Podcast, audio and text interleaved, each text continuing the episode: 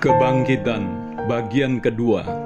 1 Korintus 15 ayat 12 mengatakan Jadi bila mana kami beritakan bahwa Kristus dibangkitkan dari antara orang mati Bagaimana mungkin ada di antara kamu yang mengatakan bahwa tidak ada kebangkitan orang mati?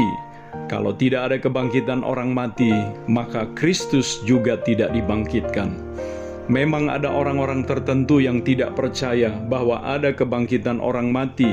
Salah satunya adalah mereka dari Masab Saduki.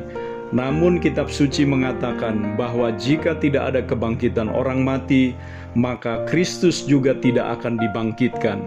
Jadi dasar dari kebenaran dan kepastian bahwa akan ada kebangkitan orang mati adalah kebangkitan Kristus sendiri. Karena itulah kematian dan kebangkitan Kristus menjadi fondasi iman Kristen yang tidak bisa ditawar-tawar lagi.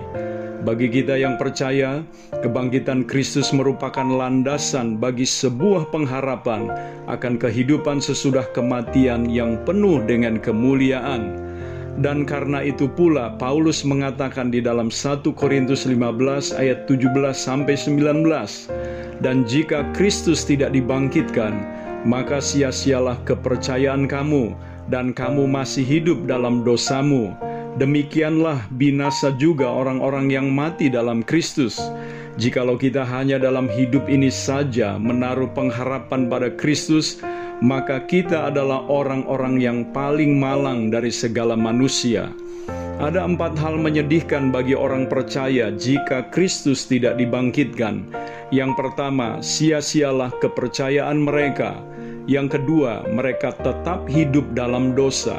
Yang ketiga, mereka yang mati dalam Kristus akan binasa. Dan yang keempat, semua orang percaya menjadi orang yang paling malang dari segala manusia. Kita soroti poin nomor empat. Jika hanya dalam hidup ini saja orang percaya menaruh pengharapan kepada Kristus, maka mereka akan menjadi orang yang paling malang di dunia ini. Apakah maksudnya? Saya berikan ilustrasi. Ada begitu banyak orang percaya yang meninggal karena sakit selama hidupnya. Ada yang sebentar waktunya, tetapi ada juga yang sangat lama dan mereka tidak pernah sembuh dari sakitnya, sekalipun sudah berusaha dengan segala macam cara dan tentu saja dengan doa dan percaya kepada Kristus. Namun, sekalipun tidak kunjung sembuh, mereka tetap percaya kepada Kristus sampai mati. Nah, jika mereka mati di dalam Kristus dan ternyata Kristus tidak pernah dibangkitkan, maka sia-sialah iman percaya yang mereka pertahankan selama mereka mengalami penderitaan di dunia ini. Sebab ketika akhirnya mereka mati, mereka tidak memiliki dasar dan pengharapan akan kebangkitan untuk menikmati kebahagiaan di dalam tubuh yang baru, karena Kristus sendiri tidak dibangkitkan.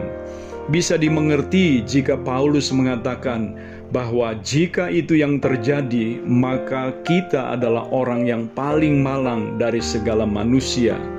Tetapi syukur kepada Tuhan, sebab firman Allah sendiri mengatakan di dalam 1 Korintus 15 ayat 20, tetapi yang benar ialah bahwa Kristus telah dibangkitkan dari antara orang mati sebagai yang sulung dari orang-orang yang telah meninggal. Haleluya! Pertanyaan pentingnya sekarang adalah, benarkah Kristus telah dibangkitkan? Kitab suci menubuatkan dan membuktikan penggenapannya. Mazmur 16 ayat 10 mengatakan, Sebab engkau tidak menyerahkan aku ke dunia orang mati, dan tidak membiarkan orang kudusmu melihat kebinasaan. Frasa orang kudusmu menunjuk kepada Kristus.